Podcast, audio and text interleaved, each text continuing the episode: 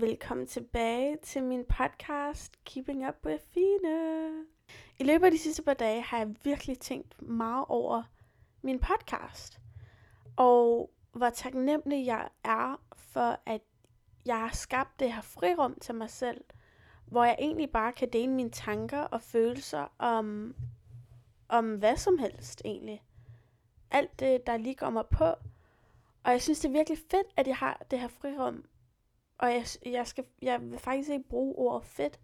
Jeg tror mere, at jeg er taknemmelig over, at jeg har det her frirum. Fordi nogle dage, så føler jeg mig virkelig alene med mine tanker, fordi jeg har så meget, jeg gerne vil sige, men jeg ved ikke, hvor jeg ligesom skal få det ud henne.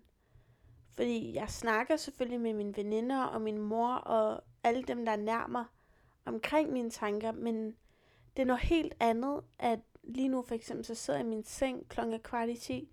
Det er noget helt andet, det der med at sidde med sig selv, og egentlig bare sige det, man tænker højt. Der er ingen, der har noget respons til det, jeg siger.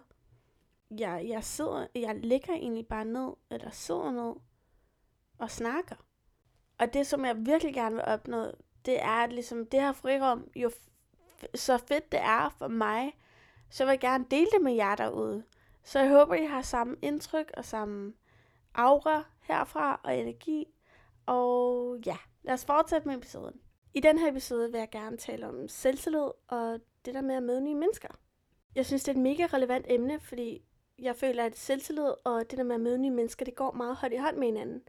Og det er noget, som man kommer til at udforske eller tænke over hele ens liv.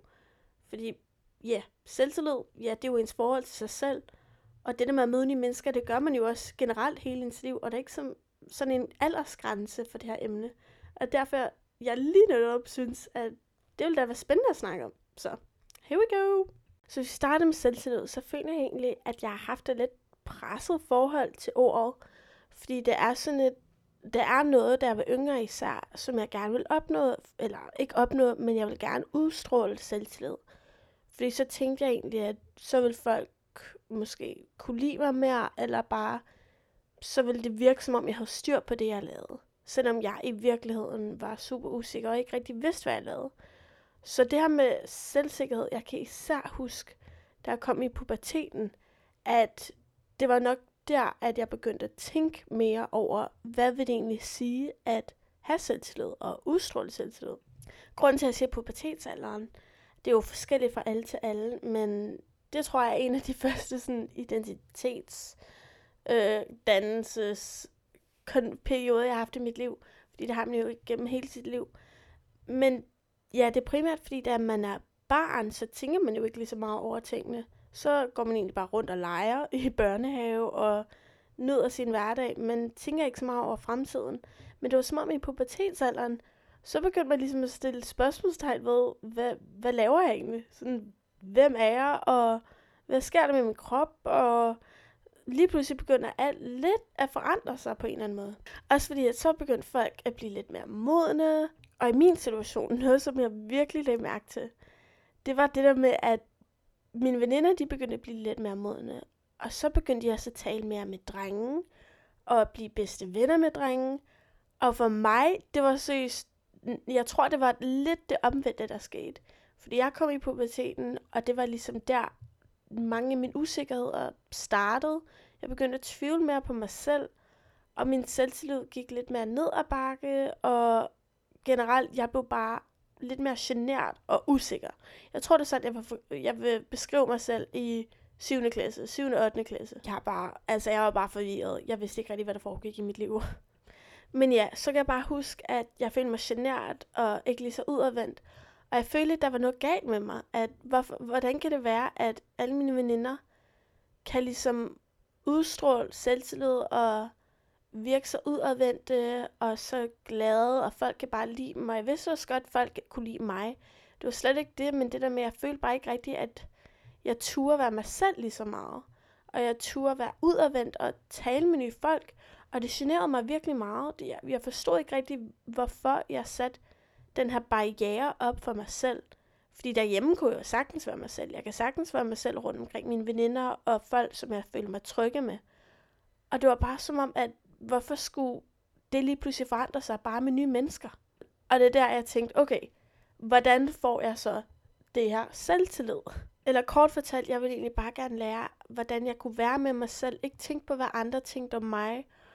Og jeg ved ikke hvorfor, men på en eller anden måde, altså bildte jeg mig selv ind, at jeg var akavet. Og det var også bare sådan et ord. Jeg tror, jeg blev kaldt akavet en gang i, hvornår var det? 6. klasse. Og lige siden da, så var det bare som om hele folkeskolen var jeg bange for, at folk troede, jeg var akavet. Jeg, jeg havde søgt en fase af flere måneder, hvor jeg spurgte folk, er jeg akavet? Og jeg, jeg var så usikker på det punkt. Jeg ved ikke hvorfor, jeg bildte mig selv ind, at jeg var akavet. Og det var virkelig noget, som jeg bare overtænkt for sygt. Og det var egentlig bare fordi, der var en person, der kaldte mig det en gang i 6. klasse. Eller 7. klasse, eller hvornår det nu var.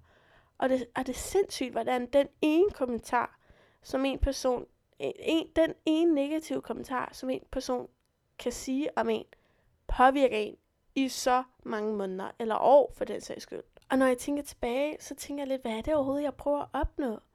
Altså, at have høj selvtillid, jamen, hvad? Det, det kan ikke rigtig mening i dag for mig. Hvorfor er det, jeg køber bøger omkring det her? Det er ikke som om, at efter jeg har læst en bog om en dame, som er gået igennem en øh, svær fase i sit liv, som får lidt mere selvtillid af det, at jeg lige pludselig fra den ene dag til den anden tror mere på mig selv. Altså jeg ved, jeg ved slet ikke, hvad der foregik i min hjerne dengang. Også fordi i dag, så kan jeg ikke sige, at jeg har høj selvtillid, lavt selvtillid. Fordi det varierer fra dag til dag. Det kan, okay, det kan variere fra time til time. Nogle gange vågner jeg op og tænker, fuck, hvor er jeg grim, tyk. Øhm, der er bare ingen, der skal søst snakke til mig, fordi jeg føler mig bare ikke værdig. Jeg føler, at alle der ude efter mig, at jeg har gjort noget forkert, alle andre er folk kan ikke lide mig. Huh, altså, alle mulige negative tanker, og det tror jeg alle sammen, vi kan relatere til, fordi vi er alle sammen mennesker. Så er der også andre dage, hvor jeg vågner op og har det virkelig godt med mig selv, og tror på mig selv, og er virkelig glad for, at jeg skal leve med mig resten af mit liv. Men jeg synes, det er mærkeligt at tænke på, at den ene dag føler man sig værdig, og så den anden dag føler man sig grim, og at ingen kan lide en. Og igen, intet er faktum. Altså, jeg ved jo godt, at jeg er værdig, og jeg ved jo godt, at de tanker, jeg har om mig selv, de er ikke rigtige. Alle de negative tanker, jeg har om mig selv, det er jo ikke det, folk tænker om mig, når de ser mig. Men det, jeg synes bare, det er spøjst, hvordan det her selvtillids- og selvværdsfaktum, det handler stort set, basalt set, om sit forhold med sig selv, og den måde, man taler med sig selv på. Fordi det er jo ikke noget, der sker ude, altså det er jo ikke noget, som andre kan styre eller påvirke på den måde. Det er noget, som foregår op i ens hoved. Det er en indre kamp med sine egne tanker om sig selv. Når jeg siger, at andre folk ikke kan styre det, så mener jeg, at der er ikke et quick fix til det. Selvfølgelig ens venner, mine veninder, de giver mig selvtillid. Min familie giver mig selvtillid. At være omringet af folk, som jeg elsker og som holder af mig, selvfølgelig det får mig jo til at føle mig meget bedre med mig selv. Men når det så er sagt, så har jeg nogle usikkerheder og nogle negative tanker om mig selv, som jeg stadig lige skal arbejde på. Jeg har for eksempel oplevet super mange gange inden en fest, eller et hygge, eller et eller andet drukarrangement, hvor jeg har bare en dårlig body image dag, hvor jeg føler, at min krop er grim, jeg føler, at mit ansigt er grimt, jeg føler mig grim, jeg føler ikke, at nogen kan lide mig, hvor jeg egentlig bare er super usikker, og det er som om den her spiral af negative tanker, den bliver bare ved og ved og ved. Og jo, selvfølgelig, at få komplimenter fra mine veninder, jeg tager dem jo til mig, og det giver mig jo glæde i øjeblikket. Men det er bare lidt et sådan quick fix. Fordi efter 10 minutter, hvis jeg er alene igen, så tænker jeg jo de samme tanker. Det er jo ikke som om, at der er nogen andre, ud over mig selv, der kan ændre min indre dialog. Og det er derfor, det er så vigtigt, at man ligesom nogle gange observerer sine tanker. Fordi den måde, man tænker om sig selv på, det, er, det kan godt være afgørende for, hvordan andre ser en. Noget, som jeg i hvert fald føler har hjulpet mig virkelig meget i at tro på mig selv, det er at gøre ting, som har gjort mig nervøse og ukomfortable. I 4. klasse kan jeg huske, jeg ved ikke, om jeg havde social angst. Jeg kan ikke lide at sætte mig selv i bås. Men jeg kunne virkelig ikke lide det der med at spørge fremmede mennesker om ting. For eksempel på en restaurant, spørger en, en tjener, må jeg gerne få en ekstra gaffel, eller spørger mine naboer, om, om de havde et æg, hvis nu jeg skulle bage noget. Øhm, jeg kunne virkelig ikke lide at fra- tale med fremmede mennesker. Det var, det var virkelig grænseoverskridende for mig. Eller for eksempel i folkeskole, det der med at række hånden op. Det synes jeg også, det, det gjorde mig virkelig nervøs. Eller tage ud og købe ind alene. Eller sådan nogle basale ting, hvor andre mennesker er involveret. Det gjorde mig bare nervøs. Og jeg ved sidst ikke hvorfor. Fordi det er jo ikke noget livstruende overhovedet. Men igen, man kan ikke styre sine tanker, og det er ret sjovt at observere, fordi nogle gange så får jeg bare sådan sus af nervøsitet gennem min krop. Især hvis jeg for eksempel ser en lækker dreng eller sådan noget. Hvor jeg bare tænker, stop, sådan bevar roen, hvad sker der, Safine? Men det, der ligesom har hjulpet mig med at tro mere på mig selv, det er at gøre de her ting, der gør mig nervøse. Og gøre de her ting, som jeg egentlig føler er lidt grænseoverskridende. Selvfølgelig, det skal ikke være livstruende overhovedet, men bare de små ting, der har gjort mig nervøs. Det kan for eksempel være det der med at række hånden op i folkeskole. Jeg kan huske, at jeg havde et mål for mig selv om, at hver time, prøv at, prøv at række hånden op tre gange i timen. Og jo mere jeg ligesom vender mig til at fremlægge for en klasse, række hånden op, jo mindre nervøs jeg blev, og jo mere stolt er jeg blev mig selv. Og når du føler dig stolt af dig selv, og føler, at du ikke er afhængig af nogen som helst andre, så er det i hvert fald der, jeg har oplevet, at jeg tror mere på mig selv, og jeg udstråler mere selvsikkerhed i mig selv. Okay, det var lige nogle af mine tanker omkring det emne. Nu vil jeg gerne tale om, hvad der har hjulpet mig, og mine opfattelser og tanker omkring at møde nye mennesker. Så jeg føler, at der er en illusion, som vi alle sammen kender til, men falder lidt for. Og det er den, jeg gerne vil snakke om i dag. Jeg føler, at jo mere fjern, eller jo mindre man kender en person, jo mere perfekte de virker, og jo mere det virker som om, at de mennesker har styr på sit liv. Og man føler, at de har mere styr på sit liv, end man selv har. Fordi man ligesom ikke kender dem. Også fordi man ser jo sig selv med alle sine fejl lige så klar som alle sine succeser. Med de mennesker, du ikke kender. De fleste mennesker, dem ser du udefra, fra deres præmisser. Hvad de ligesom udstråler, for eksempel selvsikkerhed, og derfor kan du hurtigt tro, okay, de har meget mere styr på sit liv, og generelt, de er måske mere værdige, end man selv er. De er ikke i øjenhøjde med mig. Men igen, det her er alt sammen en illusion og det forkerte perspektiv, som man let kan falde for. Især med sociale medier. Man kan let falde for, at de her mennesker har styr på deres liv. Og de måske ikke er i øjenhøjde med en selv. Men igen, det er en illusion. Det er jo ikke rigtigt. Alle har problemer. Der er ingen, der har det perfekte liv. Og det ved vi jo lidt alle sammen godt, men så alligevel så falder vi for det. Vi falder hele tiden for det der med sociale medier. Vi er så let at sammenligne sig selv med andre, fordi man bare tror, at de har styr på sit liv, og forstår mig ret, men let tror, at de er perfekte. Selvom ingen er perfekt. Og den her perspektiv af, eller illusion af, at vi tror, at alle andre har styr på sit liv. Og måske er det kun mig, der tænker det her, men jeg tror faktisk, det er en god ting, fordi den her modsigelse, eller perspektiv, eller illusion, er, vi nu har af andre. Jeg tror, det er det, der ligesom holder os i bevægelse, i det vi ligesom ønsker at være mere, end vi er.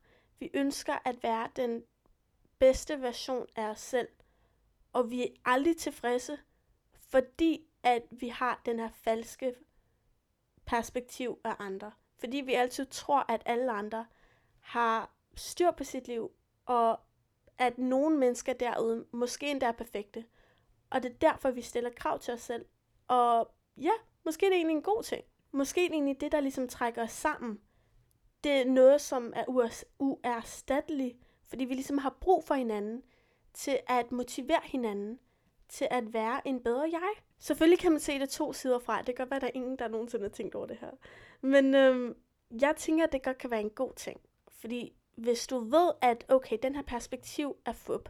Hvis du ved, at alt det her er lidt ligesom en illusion, som er fup. Alt det med sociale medier, det er egentlig ikke realitet. Det er ikke, det er ikke rigtigt. Og det der med, at andre omkring en, de har ikke mere styr på den, du har. Det, personligt for mig har det virkelig hjulpet mig med at bevare roen og ikke være lige så nervøs, når jeg skal møde nye mennesker. Fordi jeg ligesom minder mig selv om, at de er ikke perfekte. Jeg er ikke perfekt. Vi er bare mennesker. Vi har alle sammen usikkerheder. Vi har alle sammen vores egne problemer, som vi kæmper med dag til dag. Og det hjælper mig virkelig i at tænke de her tanker, fordi det gør mig bare jordnær. Fordi så føler jeg lige pludselig, at okay, vi er faktisk i øjenhøjde med hinanden. Det kan godt være, at jeg har det her perspektiv, og den her, det kan være, at jeg har den her slags illusion af dig, og image af dig, men jeg ved, at det er fup. Og det hjælper mig virkelig. Jeg har ingen idé om det, jeg siger, giver overhovedet mening. Jeg føler, at jeg har talt højt øhm, til min væg. Og ja, altså, det er virkelig sjovt, fordi jeg har virkelig ingen idé om det, jeg siger, giver mening. Øhm, og jeg føler, så mange podcaster siger det. Men ved du hvad, det er fint, det er fint, it's fine. Alt skal nok gå. Nu prøver jeg alt det, hver gang jeg udgav en episode, så er det ligesom min chance, jeg tager. Hvor jeg bare sådan, Serafine, du kan godt det her. Bare, bare være dig selv og snak. Så tak fordi du gør lidt med til endnu en episode. Jeg elsker, at du gider lidt med. Det betyder virkelig meget. Ej, jeg ved ikke, hvorfor jeg føler, det er lidt sørgeligt at slukke for mikrofonen nu. Det har været så hyggeligt at optage. Så øhm, min sidste farvel. Okay, toodles!